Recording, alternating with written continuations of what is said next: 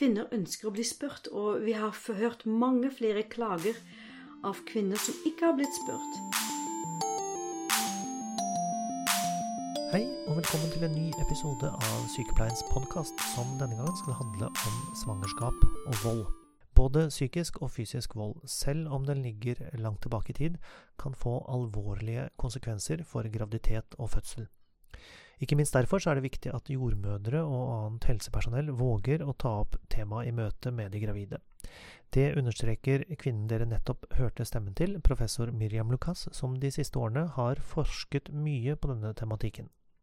I 2011 så avla hun sin doktorgrad om innflytelsen overgrep i barndommen har på svangerskap og fødsel og etter det så har hun bl.a. ledet forskningsprosjektet Gender-Based Violence and Childbirth, der informasjon fra 78 000 gravide er analysert.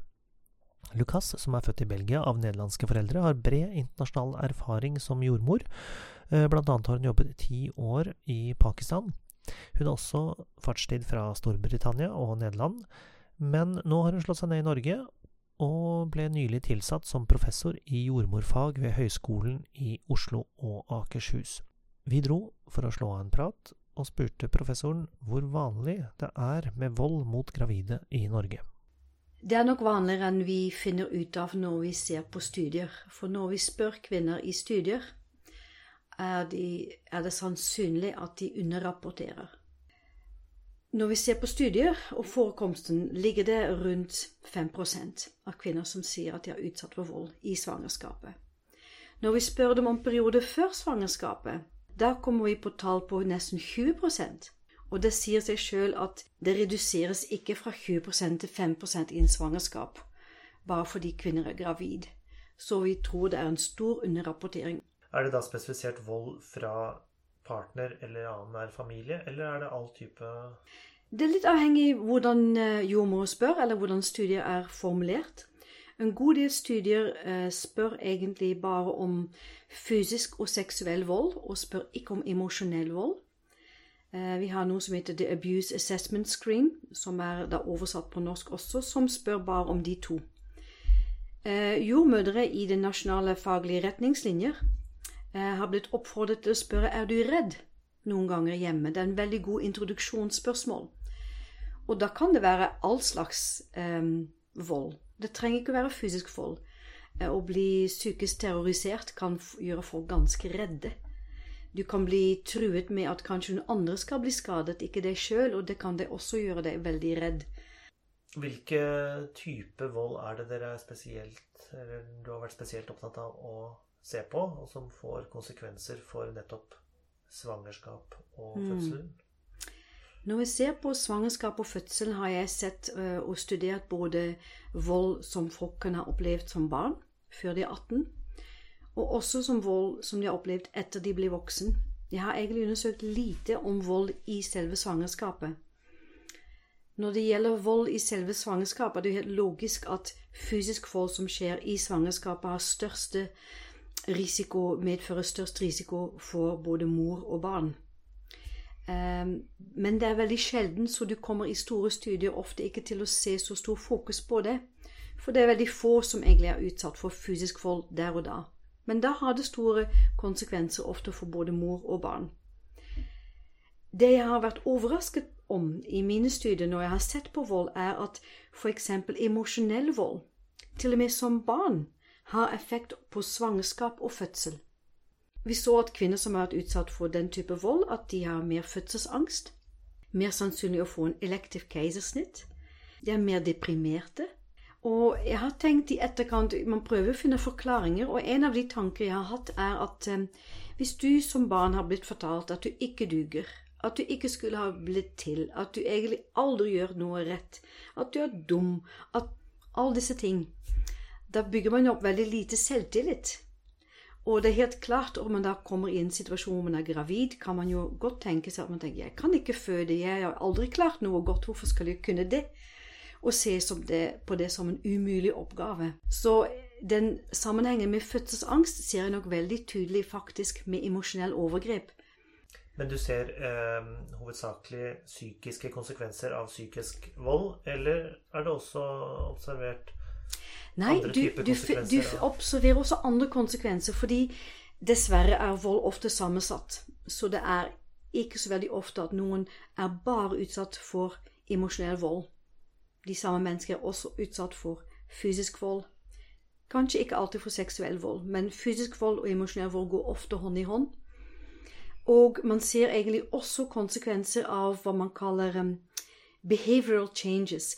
Kvinner um, som er utsatt for vold, vil nok kanskje være mer sannsynlig å søke trøst i f.eks. å spise godteri fordi det gir en midlertidig trøst. Røyke, eh, for det gir også en, ja, en liten trøst i å røyke. Så vi ser at hva vi kaller negativ atferd som kan påvirke svangerskap og fødsel, ses oftere hos kvinner som er utsatt for vold. Og det har effekt. Vi vet at hvis kvinner røyker mye, får de kanskje mindre barn, mer sannsynlig å få prematur fødsel, så, så det kan jo iverksette en eh, type ja, en, en reaksjon, en lang reaksjon. Mhm. Kan du eh, oppsummere litt av den eh, store forsknings, det store forskningsprosjektet dere hadde mellom 2011 og 2014?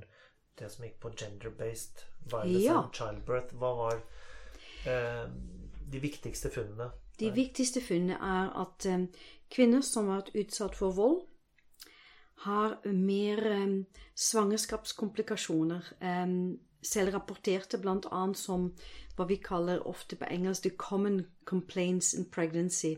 Vanlige svangerskapsplager. Det handler om å være kvalm, ryggsmerte, bekkenløsning, eh, hodepine, ikke sove godt. Ehm, ja, en del av disse hva vi ofte kaller som jordmødre vanlige plager, men som for kvinner oppleves som store, store plager, og som, som egentlig kan gjøre en svangerskap veldig vanskelig å komme seg gjennom. Og de, var, eh, de hadde kvinner som var utsatt for vold, oftere og over lengre tid.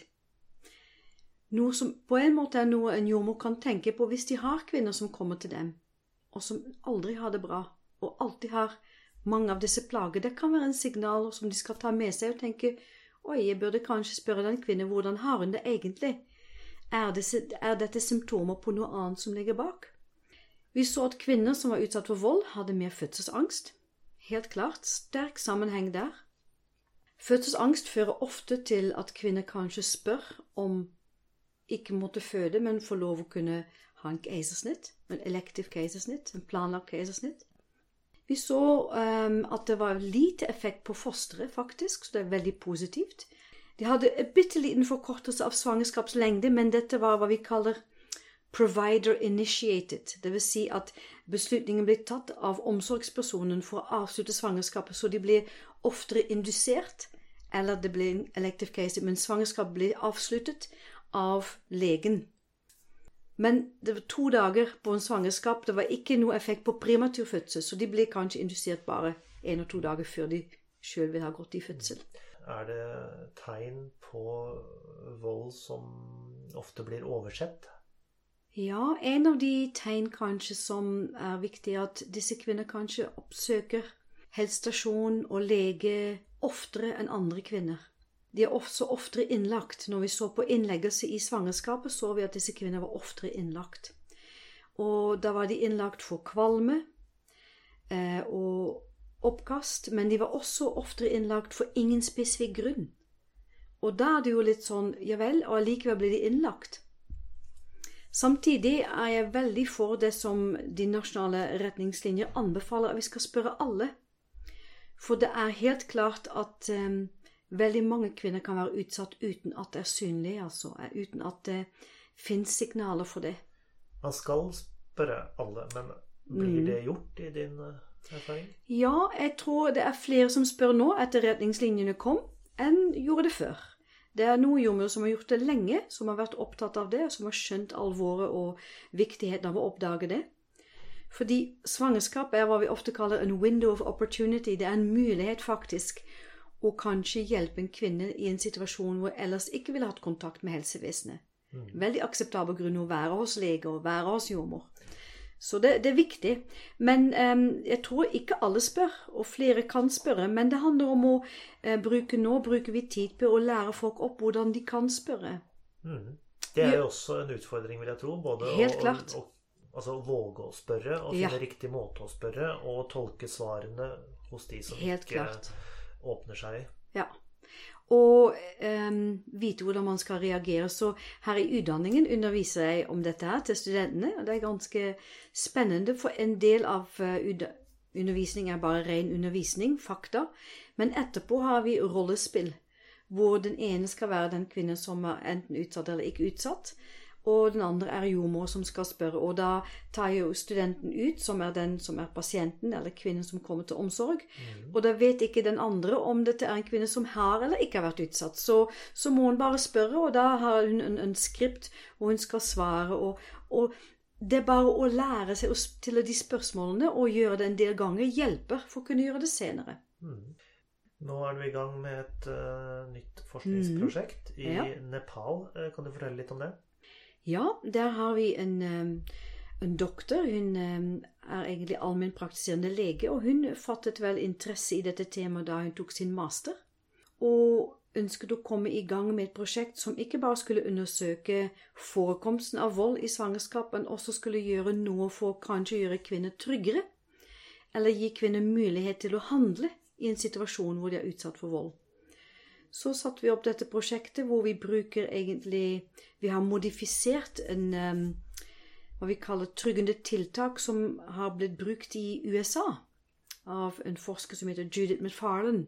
Og hun har, dette er lenge siden hun først utviklet disse ti eller tolv tiltak, som vi da har um, modifisert for nepalesiske forhold.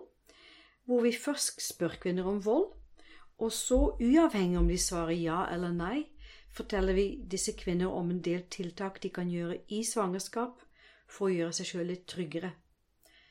Grunnen at vi også underviser folk som ikke sier ja om de har opplevd vold, er at fordi vi vet at en del underrapporterer.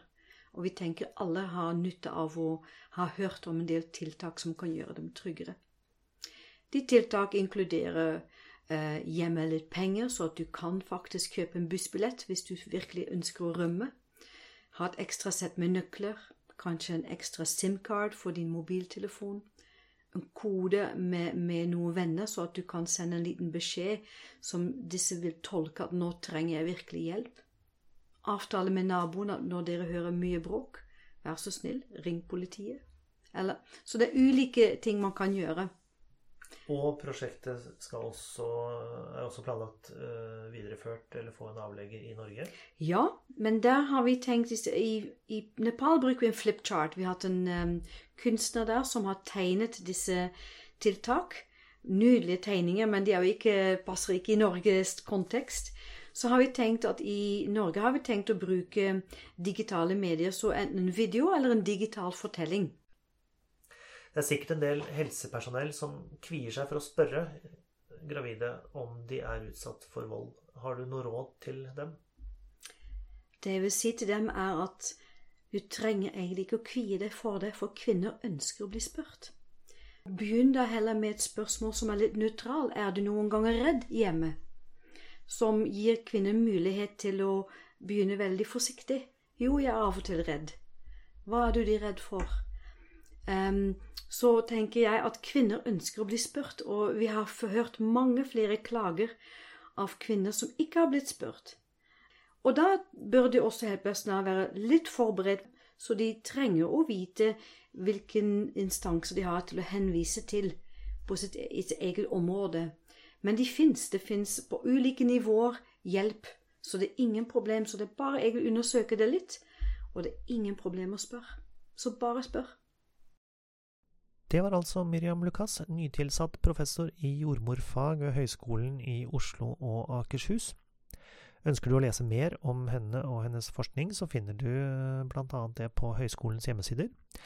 Om du vil høre flere episoder av Sykepleiens podkast, så finner du alle sammen på sykepleien.no. Du finner dem også på iTunes og på podbean.com. Og hvis du bruker iTunes, så setter vi pris på en liten anmeldelse eller vurdering. Du kan også sende det du måtte ha av kommentarer og innspill til redaksjonen at sykepleien.no. Du når oss også via Sykepleiens Facebook-side eller vår Twitter-konto. Jeg heter Ingvald Bergsagel. Vi høres.